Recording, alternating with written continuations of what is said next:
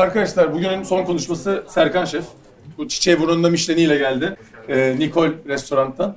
Ee, benim öğrenciliğimde Nikol ismiyle çok bilindik, çok tanıdık, e, çok iyi restoranlarından biriydi. Hala da sürdürüyor aynı e, kalitesini. Ee, biraz Serkan Şef'ten dinleyelim. Yine onun yolculuğuyla başlayacağız. Sonra Michelin'e ve Nikol'e geçeceğiz. Sonra da daha detay sorulara geçeceğiz ve sizin sorularınızı da bitireceğiz. Serkan Şef'im söz sizde.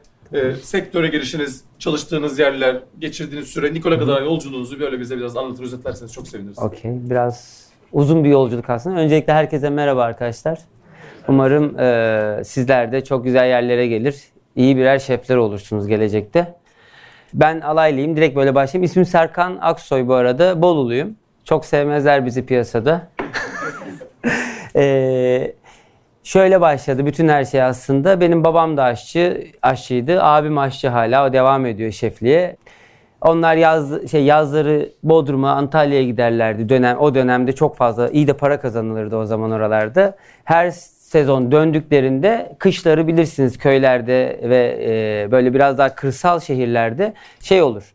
Aile gezmeleri olur. Bize de çok fazla köyden diğer şefler gelirdi ailemizin yanına, işte babamın yanına, abimin yanına böyle çok fazla mutfak sohbetleri dönerdi. Neler yapılmış o yaz boyunca, neler, nelere dikkat edilmiş, işte kimler kimlere ne postalar koymuş falan. Hep böyle bir aklımda çocukluktan itibaren e, şef olmak vardı. Zaten e, fıtratımız gereği diyeyim ben. Direkt oraya bir e, şey yapıyoruz, e, gidiyoruz yani şef olma yoluna bir ilerliyoruz. Sonrasında ortaokulu bitirdikten hemen sonra, o zaman ortaokul vardı böyle sistem böyle değildi. Hemen akabinde ben e, kendimi restorançılıkta buldum. İlk önce e, kariyere mutfak şey restoran komili olarak başladım. İki senenin sonunda çok isteyerek mutfağa geçiş yaptım bir şekilde. Bodrum'da otelde başladım ilk. Bir büyük bir otelde komi olarak başladım, mutfak komisi olarak. Sonrasında e, İstanbul'a bir şekilde geldim bir akrabamın yardımıyla. Ve Afacan restoranlarda çalıştım. Belki bilirsiniz e, İstanbul'u geziyorsanız İstiklal Caddesi'ne böyle biraz lokantaların isimlerine bakıyorsanız Afacan restorantla yolum kesişti. Askere kadar böyle devam etti. Lokantacıydım yani daha e, anlayacağınız daha iyi anlayacağınız dilde anlatacak olursak işte kuru fasulye, pilav gibi böyle lokanta yemekleri yapıyorduk. Sonrasında askerde e, bir şekilde lokantacılıktan önce çalıştığım bir alakart restoran vardı. Oranın böyle tadı damağımda hep kalmıştı. İşte böyle alakart yapmayı hep istiyordum tekrar. Sonra dedim ki e, aslında şeflik teklif edilmesine rağmen askerden sonra dedim ki yok ben yapmayacağım. Tekrar restorançılığa döneceğim. Alakart çalışacağım. Ve e, bir şekilde siz çok isteyince bazı şeyler sizin karşınıza isteseniz de yani çok istediğiniz için bir şekilde karşınıza geliyor. Benim de karşıma bu şekilde geldi.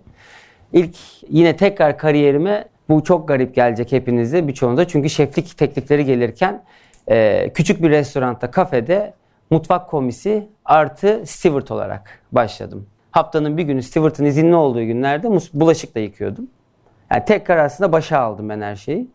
Birçok akrabam, köydeki arkadaşlarım, ailem ya oğlum işte ki sen çok iyi paralar kazanırsın, şefliğe niye devam etmiyorsun, şeflik teklifleri geliyor derken ben hep şu tarafındaydım işin.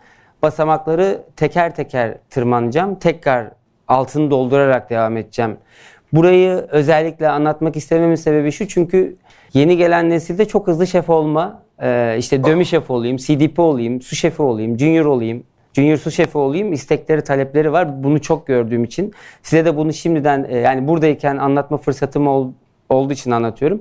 Kesinlikle bence işin bu tarafına çok hızlı e, yönelmemeniz gerekiyor ve alttan basamakları teker teker tırmanmanız, tır, e, çıkmanız gerekiyor.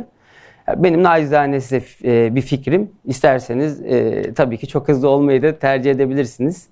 Ama e, her neyse sonrasında kendimi geliştirmek adına artık bir yerden sonra bazı restoranlarda da küçük restoranlarda da şeflik yapacak kıvama geldikten sonra fine dining ile bir şekilde tanıştım. Yani böyle bir restoranlar olduğunu, işte daha çok füzyon mutfağının o dönem çok meşhurdu. Çok Şimdi meşhur. tekrar aslında geriye döndük biraz daha. Franklin'in menü hatta bir ara... Evet, yani e, ilk açıldığı dönem full füzyon mutfağı. İspanya'dan geliyor Simos Şef.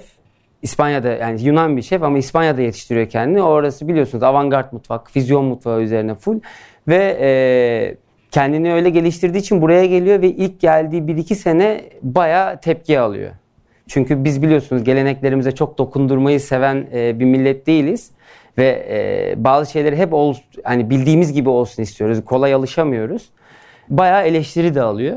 Sonrasında diyor ki yapacak bir şey yok. Ben babaanne mutfağına geri döneceğim. Yani aslına bakarsanız bir süre sonra hemen bir e, manevra yapıyor orada. Şey yapıyor. Türk şey kendi mutfağını, Yunan mutfağını ki bize de çok yakın. Ondan sonra da zaten başarı daha da çok geliyor ve Frank'in ismi daha da duyulmaya başlıyor. Benim de işte böyle bir e, arkadaşlardan işte mutfak muhabbetleri yaparken, sohbetleri yaparken arkadaşlarımızla Frankie ile tanışıyorum. Ve bir şekilde Frankie'ye giriyorum. Sonrasında e, maça kızı ve Frankie'ye tekrar geri dönüş. Tabii ki title atlayarak yavaş yavaş ve en sonunda su şefliği ve Melih Şef'ten sonra da sabah evet konuşmuş o, e, onu da dinlediniz. Melih Şef'ti e, ben en son şefliği yaptığımızda şefimiz. O da zaten ilk geldiğinde bana şey demişti Serkan e, ben çok uzun bir yerde kalan biri değilim. Bir iki yıl burada kalırım giderken de zaten sende o şey var kendini geliştirmişsin. E, giderken ben seni şef yapacağım buraya demişti. Ve sonra giderken de aynen e, ilk geldiği birinci ayındaydı yanlış hatırlamıyorsam bunu söylediğinde. Birinci ayında söylediği gibi giderken de beni şef olarak bıraktı. İki yıl e, Frankie'nin şefliğini yaptım. Biraz pandemi dönemine denk geldi. Sonrasında e, aynı zamanda Bodrum'da bir tane restoranta e, orada yeni bir restoran açtık Frankie ile birlikte. Frankie Beach Club olarak bir restoran vardı. Bir de Malva Restoran diye bir e, fine dining restoran açmıştık. Onun şefliğini yaptım iki yaz boyunca. Sonrasında 2021 2022'nin sezon sonu, şey 2021'in yaz sonunda Frankie ile yollarımız ayrıldı. Ve e, bir arkadaşım vasıtasıyla Fehmi Bey ile tanıştım. Nikol'ün yatırımcısıyla, Fehmi Yazıcıoğlu'yla. Demolar derken bir şekilde anlaştık ve geçen sene Aralık ayının 20'sinde şey Aralık ayının başında ben e, işbaşı yaptım. 26'sında da restoran açtık e, menümüzü, ilk menümüzü yapıp restoran açtık ve konu buraya kadar geldi. Ekim ayında Michel'ini alana kadar devam etti ve şimdi devam ediyor aynı şekilde. geçmeden şey söyleyeceğim ben sadece. Şimdi benim öğrenciliğimde yine şuraya sorsak yani staj kim nereye gitmek istiyor diye ilk 3'te 4'te söyleyeceğiniz yerlerden biri Nikol'du. Nikol de işte e, Aylin Yazıcıoğlu ve Kaan Sakarya bir pastacı bir aşçı ikilisiyle yürüyen bir mutfaktı ve gayet de güzel işler yapıyorlardı. Senesini hatırlamıyorum tabii ki. İlk Kaan Şef bir ayrıldı. Basta'yı kurdu. Hı hı. Basta'yı biliyorsunuzdur. Hani gitmediyseniz de Neo Bistro'ya da gidin. Çok güzel yemekler yapıyorlar e, karşı tarafta. Sonra Aylin Şef yani ayrıldı. Nicole'ün bir ara gerçekten sesini hiç duymuyorduk. Yani Nicole kapandı mı var mı diye bilmiyorduk ama Serkan Şef tekrar canlandırdı Nicole'ü. O yüzden biraz öyle soracağım. Yani Michelin'e kadar Nicole'e geldiniz. Neler değişiklik oldu, neler yapıldınız. Çünkü bir de yılların oturmuş şefleriyle olan bir sisteme gidiyorsunuz yeni bir Hı-hı. şef olarak. Bunun zorlukları da olmuştur kesinlikle. Çok. Ee, bir kere önce şöyle başlayıp geriye döneyim. Ee, ön yargıları ve şeyleri kırmanız gerekiyor. Alışkanlıkları kırmanız gerekiyor. Bu orada daha önce çalışan çok az kişi kalmıştı ama alışkanlıkları kırmamız gerekiyor demek istedim. Onların belirli alışkanlıkları vardı. Bunda işte yatırımcı olsun, yatırımcının e, oğlu olsun, işte otel müdürü olsun. Sonuç olarak bir restoranın know-how'ı vardı. Yani bilgi deposu vardı. E, onu da kırmanız gerekiyor. Çünkü e, kendi tarzınızı koymanız lazım restoranta. Benim böyle bir zorluğum tabii ki oldu. Nikol'a başladık. Benden tabii ki bazen yer yer e, ya biz şöyle bir şey yapıyorduk. Bunu yapsam mı? Bunu yapıyorduk. Bunu yapsam mı? Benim ilk günden itibaren söylediğim tek şey vardı. Hayır. Hayır. Çünkü benim bir tarzım var. Ee, sevdiğim yani kendimde gördüğüm yemek yaptığım e, yaptığım bir yemek tarzı vardı. Yani tabaklama tarzım olsun, ürün ortaya çıkarma olsun bir tarzım vardı ve ben hep şunu söyledim. Ben kendi tarzımı koyacağım burada. Geçmişten benden lütfen bir şey istemeyin. Çünkü o zaman onları taklit etmiş oluruz ve bunda da e, çok doğru bir e, karar aldığımı düşünüyorum günün sonunda. Çünkü e, restoran sonuç olarak geçmişte bir ismi var. Çok iyi şefler çalışmış.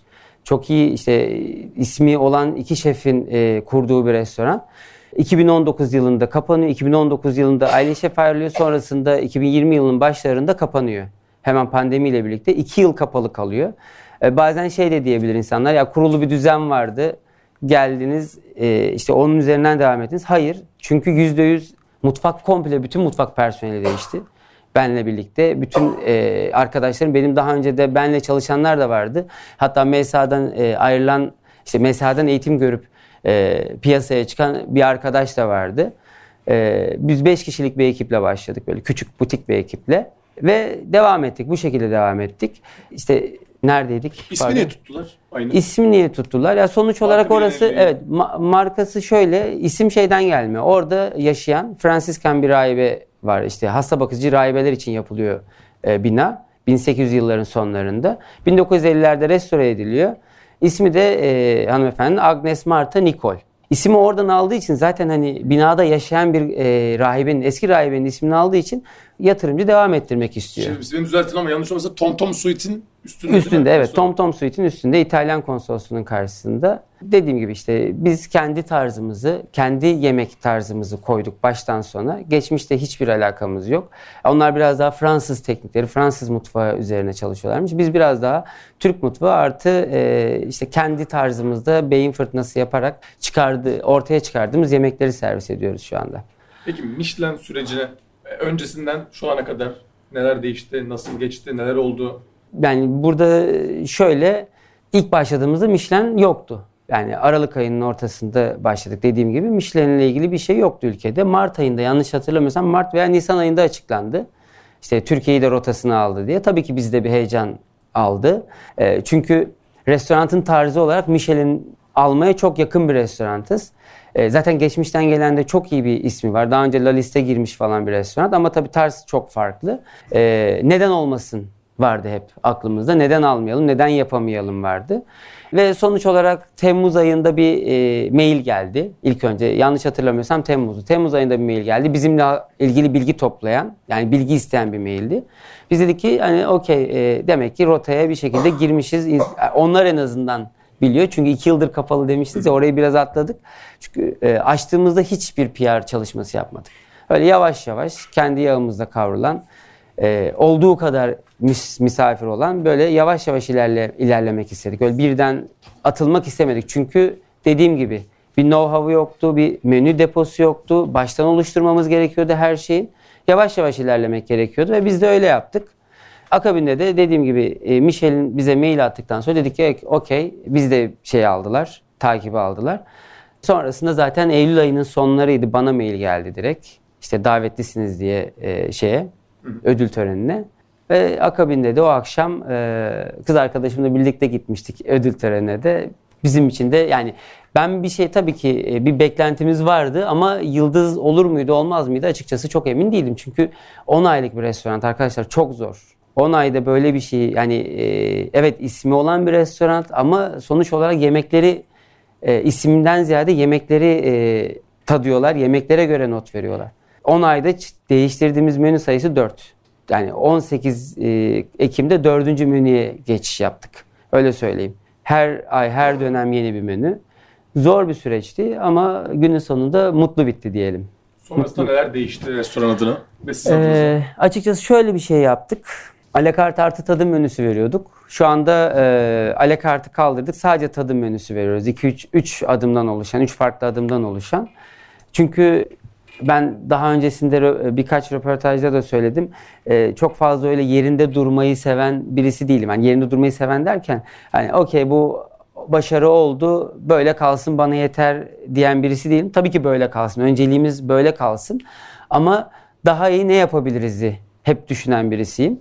Ee, ve o yüzden de tadım menüsüne geçmek istedim. Ki e, daha az yemekle daha çok ilgilenmek için. Onları hani bir var 15-16 kalem yemeğe hani tatlı içinde 16 kalem yemeğe odaklanıp onları geliştirmek. Bir var 8 kalemle uğraşıp onu geliştirmek. Değişen aslında hiç e, sadece böyle bir değişiklik var ama onun dışında değişen hiçbir şey yok. E, pazar alışverişleri, işte lokal üreticiye ulaşmalar. E, bu tarzda menümüzü geliştirip özel ürünler kullanmaya çalışıyoruz. Biraz da oraya da gireceğim. Ee, şimdi siz head chef olarak hem servisin standart olmasını sağlıyorsunuz ama bir yandan dört kere değişen bir menü var. Bu da kolay değil çünkü ciddi bir arge denemesi, düşünmesi, araştırması etmesi. Ne yapıyorsunuz günlük? Nasıl ayı bölüyorsunuz kendinizi? Pazarı var, tedarikçisi var, siparişi var. Bir sürü konu oluyor. Nasıl akıyor sizin için bir gününüz veya genel olarak işteki akışınız? Yani şöyle tabii ki tek başınıza çalışmıyorsunuz. Bir sürü profesyonelimiz var içeride. İşte bir, iki tane su şefim var. Bir tanesi daha çok şu anda onda aslına bakarsanız bir tanesini şeyden sonra Michelin'den sonra aldık. Ki yani çünkü dediğimiz gibi benim biraz daha dışarıya çıkmam gerekiyordu. artık bu saatten sonra ve arka tarafta daha güçlü bir ekibin olması gerekiyordu. O yüzden biz şefi de aldık. Bir tane de e, o biraz daha arge tarafına bakacak bundan sonra için. O gelene kadar bütün argeleri aslına bakarsanız mutfak içerisinde bir şekilde biz birbirimizle yani e, diğer ekip arkadaşlarımla birlikte yapıyorduk. Şimdi biraz daha ona o işi verdik. Onun dışında bir su şefimiz daha var. İsmi Kubilay. Ee, benle Frankie'de de çalışmıştı. O yüzden beni çok iyi biliyor. Ee, nasıl bir sistem kurmamız gerektiğini biliyor. O, o biraz daha işte siparişti, satın almaydı ve elemanların kontrolü işte personelin kontrolü derken işte eksik var mı bir yerde tarihlemeler yapılmış mı biraz bu tarz işlere bakıyor. Ve her bölümde de zaten bir tane e, arkadaşımız var. Dediğim gibi butik bir iş olduğu için aslına bakarsanız e, bir şekilde işleri toparlayabiliyorsunuz. Siz de hala ARGE çalışmasına, hala e, işte ürün araştırmaya devam edebiliyorsunuz. Yani tek başınıza yaptığınız bir iş değil. Bu bir takım çalışması. Yani evet Serkan ismi biraz önde ama bu bir takım işi. Tek başınıza hiçbir şey yapamazsınız. Güzel bir ekip olmuş şansınızda. Kesinlikle ürün, yerel ürün, coğrafi işaretli ürünler ve benzeri araştırmalar, onların menüdeki kullanımı, eklenmesi, mevsimsellik. Hı hı. Bu yönden nasıl çalışmalar yapıyorsunuz restoran için? Nasıl gidiyor? Ya şöyle artık aslına bakarsanız ilk coğrafi işaretin hayatımıza girdiğinde biraz daha zorlanıyorduk. Ürün araştırmak zorunda kalıyorduk ama artık yaklaşık yanlış hatırlamıyorsam hayatımıza 2015'li yıllarda böyle çok girmeye başlandı. 2015-2016'lı yıllarda ilk kez girmeye başladı. Belki biraz daha erken olabilir ama mutfakta bunun e, şeysi sorumluluğu o dönemlerde çok başlama başladı. E, o dönemler biraz daha zordu. Neden derseniz çünkü yeni yeni tanıyorsunuz. Ne olduğunu kavramaya çalışıyorsunuz. Şu anda bu biraz daha kolaylaşmaya başladı. Çünkü artık bir sizde zaten 2016 yılından beri oluşan bir bilgi de havuzu var. Yani hangi dönemde ne çıkar, hangi nerenin ürünü coğrafi işaretlidir. Bunun bir havuzu var artık bir, e, aklınızda, kafanızda. Bunun üzerine kış dönemi geldiğinde zaten hemen bazı kullandığınız ürünler var. Biraz da araştırma yaparak zaten önünüze bir sürü şey çıkıyor ve artık yerel üreticiler de çok e, aktifleşmeye başladı bu konuda. E, mesela ben e, Üsküdar pazarına şeyden geliyordu ayva. Sakarya'dan getiriyorlar, Geyve'den getiriyorlar ayva. Ben Üsküdar'da oturduğum için o pazarı çok kullanıyorum. Oradan alışveriş yapıyordum. Sonra birkaç kez paylaşım yaptım. Mesela bunu şey olarak örnek veriyorum. Akabinde bir arkadaşım yazdı. O tarafta yaşayan. Dedik işte abim böyle böyle bir şey yapıyor getireyim mi? Yani ürüne ulaşmak yani e, konumuz. E, aslına bakarsanız siz paylaşım yaptığınızda size de ulaşmaya başladılar artık. O yüzden e, coğrafi işaretli ürün bulmakta ve tedarini sağlamakta çok fazla zorlanmıyoruz artık. Çünkü herkes bilinçlendi bu konuda. Birazcık servise geçeceğim. Hı hı. Ee, Nicole'ün hem Nicole için hem genel olarak yani servis çünkü sabahki şefler de söyledi yani yemek yapmak her biri farklı bir yüzde bir e, şey verse de işin büyük bir kısmı karşılamadan başlıyor Hı-hı. ve yemeğe kadar aslında geçen bir süre var. Ve bu süreç boyuncaki yemeğin sunumu, şarabı derken aslında çok ciddi bir kısmı da servis bu işin. Hı hı. O yüzden hani hem genel servisin önemi hem de Nicole'deki servisin farkı, dikkat edilen şeyler gibi bir de biraz bilgi alalım sizden şimdi. Ya aslında şu anda birçok restoranda yapıldı gibi. E, zaten önceden rezervasyon yapılıyor. Ve tabii ki rezervasyon kısmı da biraz daha servis servis tarafının e, kontrolünde olduğu için onların orada da bir zorluğu var. İşte onların saatlerinin ayrıl, ayarlanması. Çünkü 40 kişilik bir restoranız. Hurra 40 kişi birden giriyor diye bir durum olamıyor. E, belirli bir saat aralıkları var. Onlara göre onların düzenlemesi yapılıyor servis tarafında. Yani önemi çok büyük. E, sonuç olarak artık e, bizim tarz restoranlara geldiğinizde biraz daha az e, birçok yer art, bunu yapıyor ama bizim tarz restoranlara geldiğinizde biraz daha hikayeleştirme olayı var. Yaptığınız yemeği hikayeleştirmeniz gerekiyor ve bunu insanlara aktaramazsanız eğer yemeği sadece insanlar yemeği görüp yemiş oluyorlar. Ama servis kısmı işte burada devreye giriyor. Siz yemeği oraya çok iyi aktarıp onların da misafire bir şekilde aktarması gerekiyor. Yani o kadar önemli ki bu. Sadece kuru fasulye yaptım. Evet bir kuru fasulye yedim olmamalı. Ee, servis kısmına bunu işte fasulyenin nereden geldiği, hangi teknikle piştiği, nasıl servis edildiği ne kadar anlatılması gerekiyor ki onların da oraya geçirmesi gerekiyor ki evet ve yanındaki şarap eşleştirmesinde o kadar iyi olması gerekiyor ki şefin oradaki mantalitesi tamamen şey misafire aktarılsın. O yüzden servis e, bu konuda yani özellikle bizim tarz restoranlarda çok önemli. İşte masaya saati, süresi ya her şey çok önemli. O yüzden e, servisi kesinlikle yaslayamayız. Ben her zaman söylerim. çok önemli. Siz bir yemek yapıyorsunuz ama yemeğinizi ser, e, misafirle buluşturan ve sizi karakterinizi aslında bakarsanız yemeğiniz sizin karakteriniz bir taraftan da. Onu misafire aktaran kişi servis. Ha, ben mesela bunu bir tek tatlıda çözebiliyorum. Her tatlıda mutlaka masaya gidiyorum. Mutlaka tatlı ile birlikte masaya gidip kendim servis yapıyorum ve kendim anlatıyorum.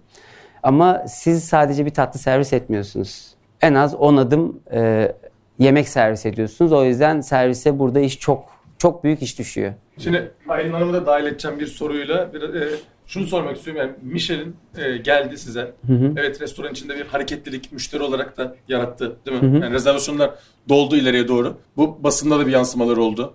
İnsanlardan geri dönüşler oldu, merak oldu, aramalar oldu. Yani o süreç halkın Nikol'e olan tepkisiz. Çünkü başladınız, duyurmadınız, sessiz gidiyordu. Oralar nasıl geçti? Açıkçası biz dediğimiz gibi sizin de söylediğiniz gibi duyurmadık. O yüzden e, Türk misafir neredeyse çok azdı ilk zamanlar ve bu Michelin'den sonra bütün ülke duyunca e, böyle oranlar direkt %50-50'lere gelmeye başladı. İşte %50 yabancı misafir, %50 Türk misafir. O yüzden böyle tatlı bir yoğunluk oluştu. Ve şu anda da aynı o şekilde devam ediyor. Biraz daha bir biraz ülke genelinde var galiba bu. Çünkü dışarıya sokağa çıktı da biraz takip et, ettiğimde biraz e, turist sayısının azalma var turist sayısında gördüğüm. Taksiciler de öyle söylüyor. O yüzden şu anda biraz daha yerli misafir ağırlıklı gidiyoruz. Türk misafiri çok var ve güzel bir yoğunluğumuz var diyeyim Michelin'den sonra. Benim öğrenciliğimde ben Mikli'de yaptım stajımı. Sadece yabancı turist vardı ve deli gibi o Galata'ya gelen kruzlardan her yere deli gibi yabancı gidiyordu ve Ankara bombalamaları falan zaman bir anda kesildi hepsi bitti. Şimdi Galata Port'ta falan galiba geride geliyor. E, evet evet. Ya, zaten bizim direkt karşımızda kalıyor Galata evet. Port. Her üç günde bir kocaman bir kruz gemisi yaklaş, yanaşıyor. Yani oradaki şeye popülasyona büyük etkisi oluyor yabancı şeyin turistin. Oradan dolayı da bizim de tabii ki e, şeylerimiz, rezervasyon sayılarımız artıyor. Arkadaşlar Serkan Şef hep duydu yani gördüğünüz ekranlarda ama Aylin Hanım var. E, Aylin Hanım sektörümüz için çok önemli kişilerden biri. Bir kısaca kendinizi tanıtırsanız. E, adım Aylin Öneytan. E, e, şu anda Milliyet Gazetesi'nde Pazar Ekin'de yazıyorum. Ayrıca Hürriyet Daily News'da yazıyorum. E, İngilizce olarak. Pazartesi günleri Fork and Cork diye bir köşem var. NTV Radyo'da da Acı Tatlı Mayhoş diye bir program yapıyorum. Ama yemek yazmaya Cumhuriyet Gazetesi'nde başladım ve 13 yıl kadar orada e, yazdım. Aslında benim köşem daha çok yemek kültürü üzerine yani restoran kritiği üzerine değil. Ama tabii e, gazetede e, birazcık da şefler dünyasına daha yakın yazarlardan olduğum için çünkü Milliyet'te pek çok yazar var. İşte Michelin'i de e, zaten basın toplantılarına da gitmiştim. Hem ilk açıklandığı zaman da e, hem de hatta özel toplantılara başkanla yapılan hani daha böyle ma- özel masa toplantılarına hem de e, törene gitmiştim. Ve tabii Milliyet benim üstüme bindi yani bütün Michelin'le ilgili haberleri yapmam için ve normalde köşeden daha fazla bir yer ayırdılar. Şimdi yazmam lazım ama e, zaten açıklanır açıklanmaz herkesin ilk tepkisi ah Nikol açık mı? Oldu. Hatta bazı arkadaşların paylaşımında skandal, rezalet falan gibi sesler duyuldu falan. Ondan sonra e, işte sonra şeyler başladı. Aylin Şef'e bir teşekkür etmedi bilmem ne falan diye. Şimdi ben bir e, huylandım. Bunu araştırmak lazım. Aslında nasıl erişiriz diye. Ve e, Michelin'in tercümelerine baktım. ilk şeyleri, e, yemekleri yani o e, kısa bir işte bir iki cümle bir şey yazıyorlar. Türkçesini pek beğenmedim bu tam ifade edememişti. Siteye girdim İngilizcesine baktım ve oradaki yemek bana beni çok eskiden hatırladığım bir yemeği hatırlattı. Ama aynı değil, farklı. Ondan sonra çünkü daha gelip hiç yeme yiyemedim yemekleri. Bekliyoruz. bir türlü olmuyor. Ondan sonra o yemek e, Frankie'de e, Simos varken yediğim bir yemekti. Ve aslında o yemeği de ilk defa gene MSA'nın katkıda bulunduğu ve düzenlediği e, yemeğini keşfet. Küçük Çiftlik Park'ta böyle restoranların standları kurulmuştu. Tabii herkes gidip fine dining yemiyor ama çeşitli böyle işte fine dining restoranlarda işte birer şeylerini, yemeklerini orada verebiliyorlardı falan ve orada amüzbuş olarak verilen aslında ana tabak ön yemek olarak da ısmarlanan bir e, yaprak sarması yorumuydu. Yoğurt köpüklü. Hı hı. Ondan sonra e, o beni Frankie'ye götürünce Simos'a Frankie'de en son kim vardı? Melih Demirel diye ben düşünüp Melih'in Instagram'ına baktım. O da sana bir metiye düzenliyordu. Aslansın, kaplansın. İşte millet eleştirecek yoluna devam et. İşte ben mutfakta böyle bir asker görmedim. Hayırı bilmez. Ondan sonra sonuna kadar gider falan diye. Ha dedim Melih'i de tanıyoruz tabii. Melih bunu dediyse bir şey var dedim. Ondan sonra Melih'e hemen yazdım özelden. Ondan sonra Melih bu çocuk e, senin yanından mı yetişme diye hani sen bu kadar şey yapmışsın. Oradan birazcık e, hafiyeliğin e, örmeye başladım.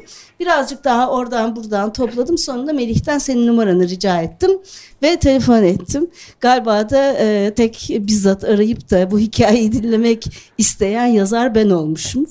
Ee, anlatır mısın? Tabii baştan ne anlattığını bilmiyorum. E, Bu kadar git, e, bu konuya girmedik hiç. Ha. E, o yüzden anlatabilirim. E, ben Gerçekten özellikle- de yani hani böyle e, bir hikaye var. Yani askerden dönünce galiba sen kafayı tamamen değiştiriyorsun. Evet. Esnaf lokantasından ben başka bir ray e, geçeceğim diye. Evet. Ve abinin aracılığıyla Frankie Frankie'ye giriyorsun ve Birkaç se- kafeden sonra. Ha? Birkaç küçük kafeden sonra Neyse Frankie'ye işte giriyorum. ya ama Simos'un yanına giriyorsun. Evet. Kesinlikle Sonra öyle. Simos seni nereye gönderiyor? Ee, Simos beni maça kızına gönderiyor. Burada biraz böyle şey var. Ee, bilir misiniz bilmiyorum. Ee, şeyde vardır. Hmm, Ne derler ona? Böyle hoca yetiştirirler falan. Oradan alıp oraya verirler. Şu an aklıma gelmedi. Birden siz de görünce heyecanlandım. Ben burada özellikle sizlerin huzurunda tekrar tekrar çok teşekkür etmek istiyorum size. Çok sağ olun.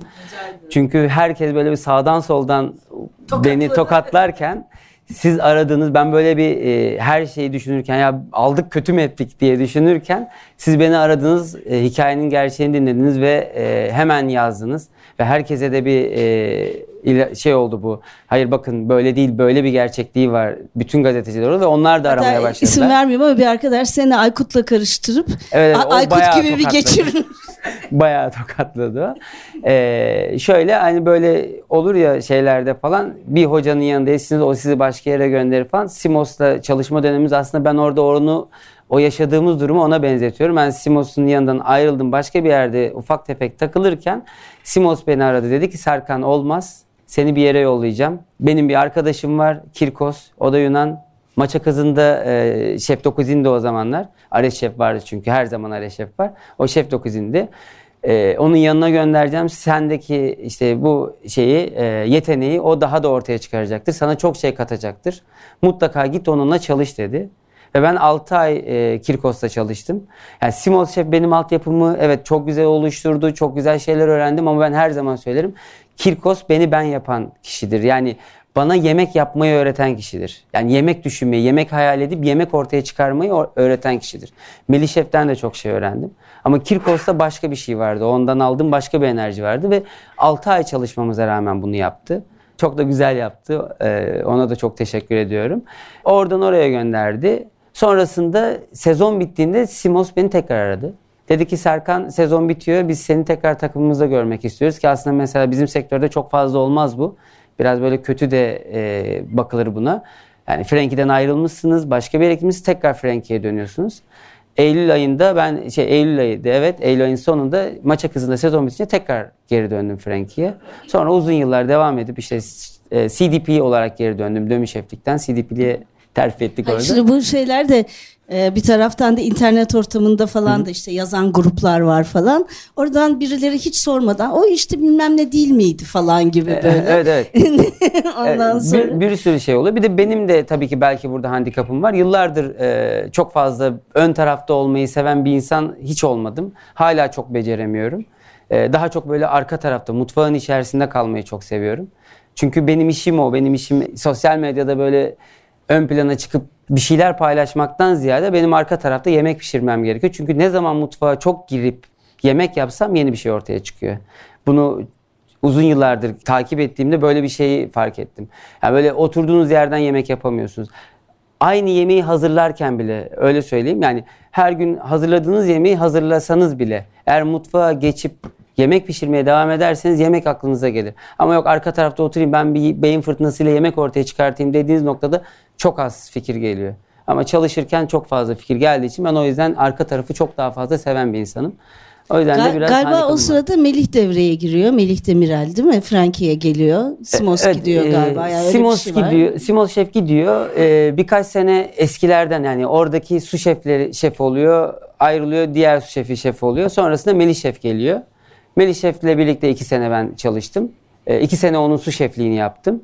O da zaten demin orayı anlatmıştım. Orayı çok iyi biliyorlar. Melih zaten sonrasında da şey demiş. Olay yani bu sürekli birilerinin el vermesi de çok önemli. Ne, demek ki o kadar güveniyorlar ki Melih giderken ben kendi yerime seni bırakacağım demiş. Ee, ondan sonra birazcık da herhalde şey olmuştur o. Ee, yani hani aslında hep aynı yerlerdesiniz ama senin tabii onu anlattın herhalde. Nikol'e bir de giriş hikayen var. Bir de herkes işte niye Aylin'e teşekkür etmedi falan. Hatta Aykut'la karıştırıp e, halbuki Aylin onu her yere götürmüştü, yetiştirmişti falan diye e, yorumlar da oldu.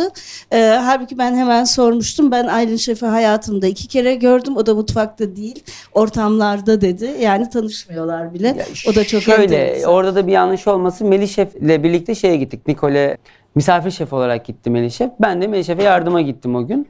Öyle gördüm bir kere. Bir, birkaç kez de dışarıda görmüşlüğüm vardır. Yani tabii ki e, burada bir teşekkür edilmesi gerekiyor.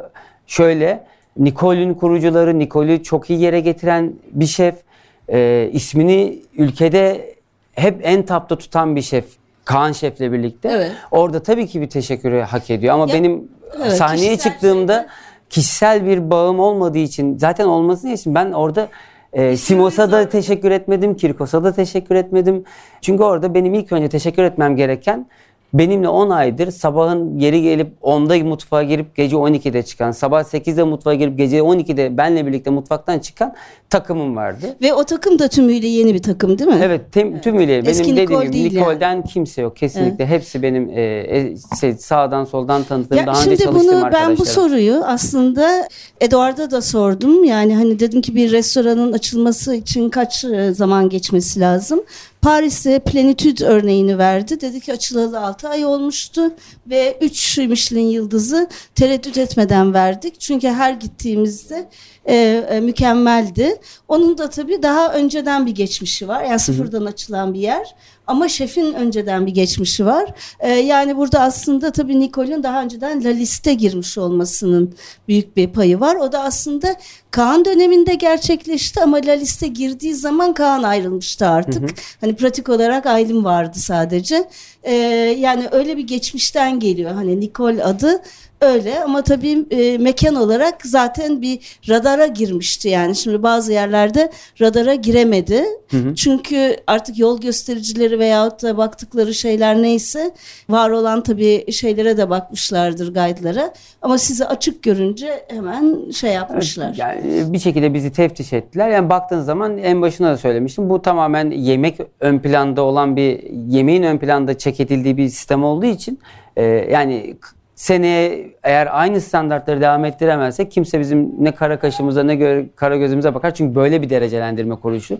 Nikol ismine de bakmaz. Çünkü baktığınız zaman e, dünyada birçok çok iyi şeften yıldız da aldılar. 3 yıldız verip sıfıra da düşürdükleri oldu. Mesela burada bildiğim kadarıyla bir tane restoran var. 3 Michelin'e devam ediyor. Sonra birden diyor ki ben vegan yemekler yapacağım artık. Vejeteryan yemekler yapacağım diyor.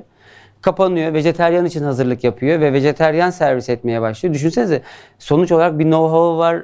Şef e, geçmişi var. Bir dünya şef hala devam ediyor.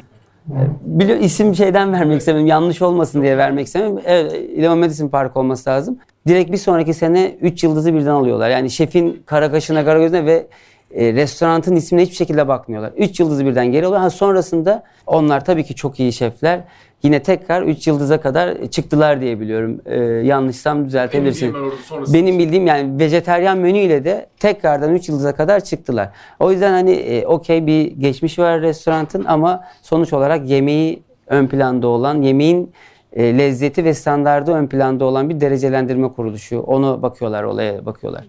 Yani aslında PR olmadan olması da insana umut veriyor. Evet. Çünkü bu PR işi yemek yazarı olarak bizleri de birazcık şey yapıyor. Bazen gidiyorsunuz yazmak zorunda hissediyorsunuz ama yazmak istemiyorsunuz.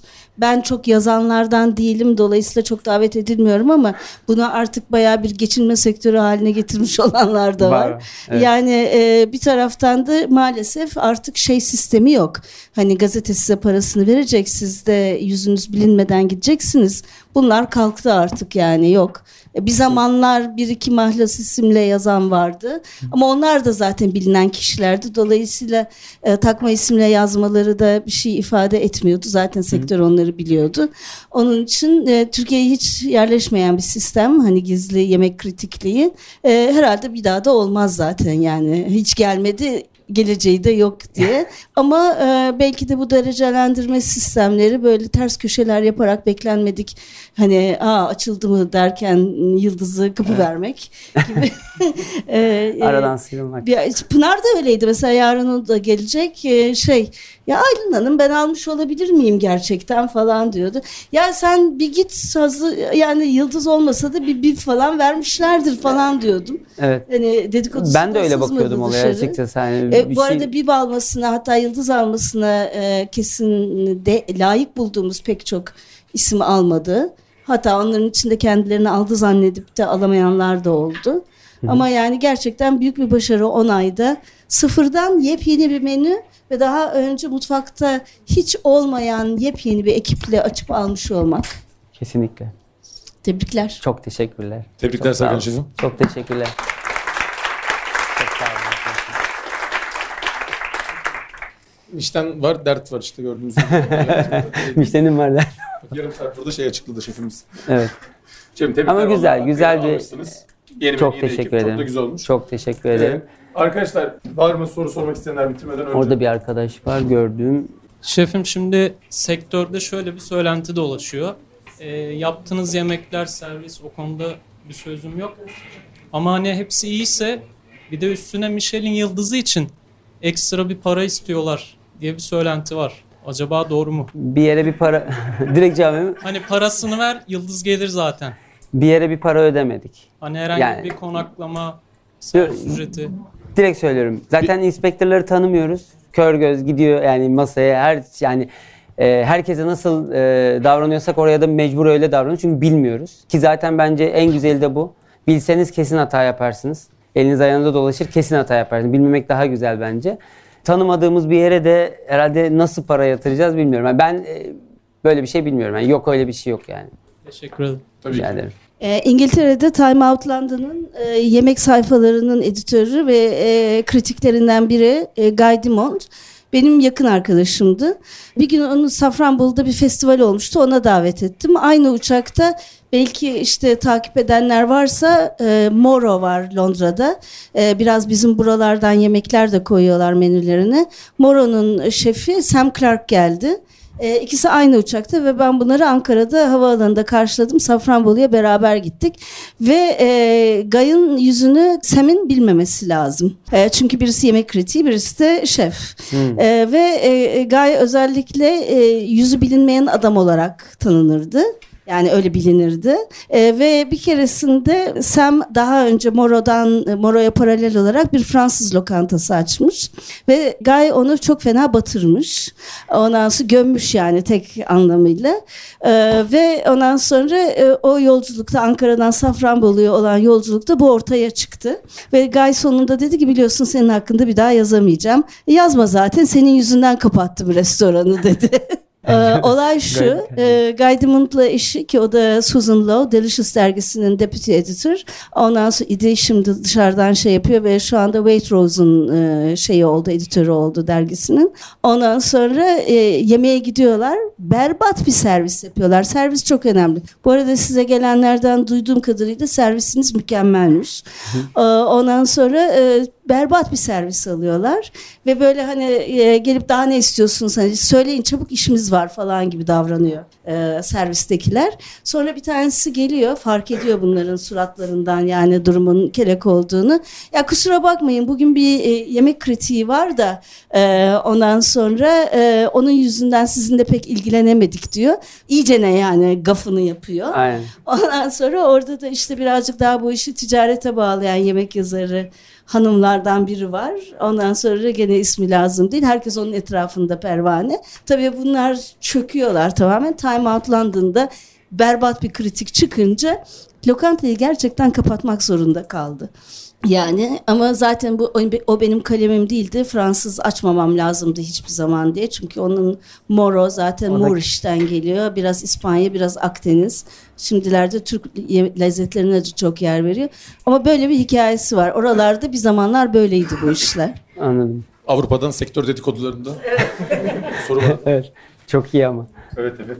Özür dilerim sorudan önce umarım bu kadar konuştuğunuz ismi e, senenin sonunda herkes öğrenmiş olur. Hepimiz öğrenmiş oluruz. Öncelikle onu söyleyeyim. Şimdi ben size döneceğim. Başından beri bütün şeflerin de sizin de söylediğiniz e, servisin çok önemli olduğuydu.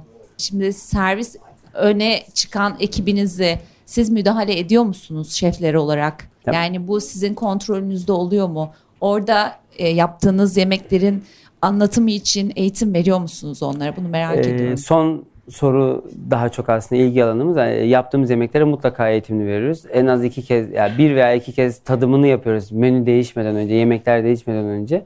Tadım yaparken de hikayelerini anlatıyoruz ve not alıyorlar. O tarafta tabii ki karışıyoruz ve hani anlatıyoruz. Ee, bilgiyi tamamen aktarmaya çalışıyoruz. Ama e, diğer tarafta zaten profesyonellerle çalıştığınızda çok fazla ben açıkçası çok öyle birisi değilim. Ben pek işte her e, yani mutfak içinde tabii ki çok e, despotum onu söyleyeyim. Çok biraz şeyim yani sert taraflarım çok fazla. Ama e, başka bölümler öyle bir karışma şeyim çok sevmiyorum onu. E, Profesyonellerle çalışıyorsanız zaten çok da gerek kalmıyor. Sonuçta sizin hikayenizi tabii bir yanlış anlatacakları e, e, için bir yanlış gördüğümüzde tabii ki ya mesela o zaten eğer bir takım olmuşsanız iki taraf onlar size bir hata olduğunda yani bir hata yaptığınızda ki yapabiliriz insanız. Sizin hatanızı söylüyorlar. Siz de ya bak bunu böyle yapsak daha güzel olur tarzında tabii ki söylüyorsunuz. Böyle ufak tefek şeyler oluyor. Bilgi alışverişleri oluyor. Ben pastacılık öğrencisiyim. Her ta- tatlı sunumunda servise çıktığınızı söylemiştiniz. Hı hı. Ee, servis tatlı tabaklarında neden kendinizi yansıtamadığınızı düşünüyorsunuz? Tat tabaklarına kendimi yansıtamadığımı düşünüyorum. Aha, Servise çıkarken ben de çıktım söylemiştiniz. Ha, şey, Kendinizin de. O anlatmak için tabii anlatmak için çıkıyorum ve ben e, şöyle benim şöyle bir e, şeyim var. E, bildiğim kadarıyla bir çok çok şef yapar bunu hani genelde yapar. Ben bunu günlük aşağı yukarı e, ben mutfakta olduğum sürece yani dışarıda değilsem o gün bir işim çıkmamış dışarıda değilsem gidip misafire tatlıyı anlatıyorum ki imza tatlılarımdan birisi anlattığım tatlı. En sevdiğim ve herkesin çok beğendiği bir tatlı. Onu anlatmaktan keyif alıyorum. İsmi- Ayrıyeten de e, yemekleri nasıl bulduklarını soruyorum. Ben şeyi çok seviyorum. Misafirden beğenmedim diyen misafirlere tabii ki tamam okey deyip dönüyorum ama özellikle bir bölümüne yemeğin hani bir e, ürüne yorum yapıyorsa o benim çok hoşuma gidiyor. Çünkü beni geliştiren şey o. Birilerinin yemeğime yorum yapması. E, o yüzden aslına bakarsanız tatlıyla gidiyorum. İnsanlara anlatamadığımızdan değil e, hem tatlıyı servis etmek çok hoşuma gidiyor hem de günün sonunda yemeklerimizi nasıl bulduklarını merak ettiğim için gidiyorum. Yoksa tatlıda çok iyi ifa- Ben özellikle geçen akşam bir misafirimiz sordu. Tatlı e, yazarken çok rahatım. Bilmiyorum neden. Hiç de pastane geçmişim yok. Yani sadece uzaktan gördüğüm kadarıyla. Ama e, tatlı yaparken çok rahatım. Yani tatlı yorumlarken veya tatlı reçetesi yazarken çok rahatım. Orada bir sıkıntı yok yani. Tamam. İmza tabağınızın ismi nedir? Tatlıda mı? Evet. Künefenin bir yorumu var. Yani birçok kişi ön yargı künefede yorumlanır mı diyebilir ama künefenin bir yorumu. Aslında künefe artı sütlacın bir yorumu. Yanık sütlacı dondurma yapıyoruz. Künefeden bir e, şey kadayıftan e, kıtır yapıyoruz. Peynirden krema. Yani bütün ürünlerini kullanıp künefenin farklı teknikler kullanarak bir tabak ortaya çıkarıyoruz. Zaten Instagram sayfasını bir şey yaparsanız mutlaka görürsünüz tabağı. Benim çok sevdiğim misafirlerin de üzerine çok yorum yaptığı bir tabak. Ki menüden hiç çıkmadı. Hani dört kez menü değiştirdik ama o da yani onu da söyleyeyim. İki tane ürün var hiç çıkmayan. Biri açık dolma. Ee, Aylin Hanım'ın yani Simons zamanında bu arada açık dolma şeklinde yoktu. Dolma yorumlamayı Simons da çok seviyordu. Onların kültüründe de olduğu için. Benimkisi çok başka bir şey. O onun bir sarma yorumu vardı. Ben açık dolma yapıyorum. Asma yaprağı tempura yapıyoruz. Salamur asma yaprağından tempura yapıp iki yaprak arasına içi koyuyoruz. Dolma içini koyup servis ediyoruz. İşte üzerinde bazı şeyler var. İşte islenmiş yoğurt, e, nar püresi gibi. İki tabak hiç çıkmıyor. Çünkü onlar benim için e, çok özeller. 2-3 yıldır yani Malva'da çalışırken de bahsettik ya Malva'da çalışırken de ikisi vardı menüde. Özellikle son sene ikisi vardı. Burada da devam ediyor ve çıkarmayı da düşünmüyorum. Sadece ufak tefek işte bir dönem pirinçle yapıyoruz içini, bir dönem CS'le yapıyoruz, bir dönem frikle yapıyoruz. Ee, ama açıkta olmayı da daima tutuyorum önünde. Sektörde profesyonel eğitim alan birçok kişiye göre ciddi bir başarı elde ettiniz. En başa dönseydiniz, genç yaşlarınıza geri dönseydiniz ve profesyonel bir eğitim alarak bu sektöre tekrar bir giriş yapsaydınız, şu anda bulunduğunuz konuma gelebilir miydiniz? Yani böyle bir konumda kendinizi görebilir miydiniz? Neden olmasın? Yani eğitim alacağım, olamayacağım, eğitim almadım, olacağım diye bir şey söz konusu değil burada. Tamamen en başına söylemiştim ya. Sizin çok istemeniz gerekiyor. Yani başarıyı istemeniz gerekiyor. Benim e, yıllar önce İstanbul'a ilk çıkışımda ilk gelirken annem hiç istemedi gelmemi. Çünkü korkutuyordu. Yani o zamanlar daha çok şey haberler çıkıyordu, daha kötü haberler çıkıyordu ve İstanbul daha korkunçtu aslına bakarsanız. Ee, ulaşım sıkıntıları vardı, bir sürü sıkıntı vardı İstanbul'a. Annem korkuyordu, gitme dedi bana. Ben dedim ki gideceğim ve ülkedeki en iyi şeflerden biri olmak istiyorum dedim. Yani 15 yaşımda bu cümleyi kurmuştum. Yani okusam da bu cümleyi kurardım, okumasam. Yani o yüzden e, oraya bir şey diyemem. Ben okumadan biraz çabalayarak ve hani fark. ciddi Yani bir fark Başarınızla ciddi bir fark attınız. Ee, sizinle e, aynı konumda bulunan birçok şefe göre. Yani bu güzel bir rol model bir örnek aslında. Yani hepimiz iyi bir şey söylediğinin farkındayım. İyi bir şey söyle. Onun farkındayım. Yanlış anlama. Sadece konuyu anlatmak adına biraz açıklama getirdim ben. Yoksa anladım çok e, e, sorunuzu. Ya dediğim gibi istemek gerekiyor. Yani parayı tercih etseydim şu an bambaşka bir yerdeydim. Yani dedim ya şeflik teklifleri gelirken bırakıp kafe restoranlara, küçük yerlere oradan böyle yavaş yavaş ilerleyerek işte Frankie'den ayrıldığım bir dönem ayrıldığım dönemde de şeflik, şeflik teklifleri aldım. Ama tekrar geri dönmemin sebebi şuydu. Gittiğim küçük yerlerde yani küçük oraları kötülemiyorum çok şey öğrendim. Çünkü küçük yerlerde mutfak küçük, handikap çok. Kendinizi öyle bir geliştiriyorsunuz ki o yüzden olaya hiç kesinlikle öyle bakmayın. Yani burası küçük, burası iyi, burası çok kaliteli bir restoran olarak bakmayın. O küçük dediğimiz kafe restoranlarda mutfaktaki handikaplar olsun şu anda belki daha iyidir birçok yer. Bilmiyorum son 10 yıldır son 6-7 yıldır hep e, daha profesyonel yerlerde çalıştım. Mutfağın handikapından, ürünün eksikliğinden bazen gerçekten tedarik sorunundan, ödemelerin yapılmamasından dolayı olan tedarik sorunlarından bile bir şeyler öğreniyorsunuz. Bir şeyler çıkartıyorsunuz. O yüzden hiçbir yeri kötülemiyorum. Ama dediğim gibi istemekle alakalı bir durum bu. Yani 10 saat çalıştım, okey çok güzel. 16 saat çalıştım ama ben bu işi yapamam dediğiniz noktada zaten başaramazsınız, yapamazsınız. Yani onu da söyleyeyim, ee, ben 8-10 saat çok az çalıştım. Yani 8-10 saat de şu anda aralık bizim restorancılıkta. Çok az 8-10 saat çalıştım. Hani böyle 8 saat çalışıyorum demeyeyim. 8-10 saat çok az çalıştım. 16, 18, 14. Yani bir kere benim işim şeyde başlıyor. Kusura bakma. E, şeyde başlıyor. Ben evden çıktığım andan başlıyor. Ben evden çıkıyorum. Her akşam benim bazı loka, yerel ürün satan veya açık ürün satan diyeyim. İşte fasulyesidir bilmem neydir köyden gelmiş. Onları satan uğrak noktalarım var. Akşamdan yazılıyor. Şef şu şu şu şunu ilave lazım. Hani alınması lazım. Ben evden çıktığım andan sırt çantamı e, motora binene kadar dolduruyorum bir 10 kiloyla. Ve bazen pazara uğrayıp gelirken sırt çantam artı ellerim dolu oluyor. Yani ben çok elim kesilerek böyle şey restoranta kadar gittim. Burada acitasyon yapmıyorum. Sadece şey için söylüyorum size. E, çabalamanız gerekiyor. Yani 8 saat çalışayım, yan geleyim, yatayımla bu şeyleri yapamazsınız. Ürüne gelmiyorsa ürün sizin gitmeniz gerekiyor. Ürüne gittiğiniz zaman zaten mutfağınıza ve evet kesinlikle gelmiyor. Özel ürünler özellikle. Ürüne gittiğiniz zaman siz tabağınıza katma değer sağlıyorsunuz. Yoksa size gelen ürünler belli zaten. Size gelebilecek ürünlerle yapacağınız tabak belli.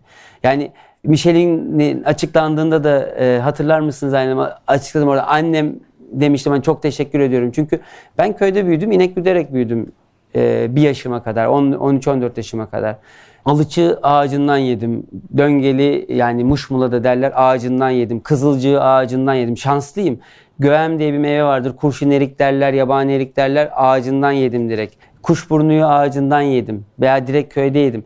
Siz bu ürünleri mesela anneme ben söylüyorum bunlar bunlar lazım diyorum. Ayarlıyor benim için. Yapıyor işte konserveleştiriyor gönderiyor. E, bu ürünlere ulaşıp tabağınızda kullandığınız zaman tabakta katma değeri ve yeni e, ne derler ona farklılığı yaratabiliyorsunuz. Yoksa manavlarda belli olan şeyler veya pazarlarda da belli olan şeyler. En fazla işte ben Üsküdar'da yabani otlara ulaşabiliyorum. Ee, Biraz da işte bir teyze var kuşburnu topluyor geliyor, kızılcık topluyor geliyor ona ulaşıyorum. Ama onun dışındaki daha farklı ürünlere her dakika ulaşamıyorsunuz. O yüzden ya öyle o konfor alanı saat 2'de işe gideyim, sonra da 11'de çıkayım evime gideyim, 12'de çıkayım evime gideyim e, yaptığınız noktada bir yere varamıyorsunuz. Sadece dediğim gibi size gelen ürünle yemek yaparsınız. Ama siz ürüne gidip yemek yapmaya başladığınız anda başka bir şey ortaya çıkıyor. Başka şeyler ortaya çıkıyor. Siz ortaya çıkıyorsunuz zaten. Yani söyleyeceklerim bu kadar. Umarım size bir faydası olur. Çok teşekkürler. Ben teşekkür ederim.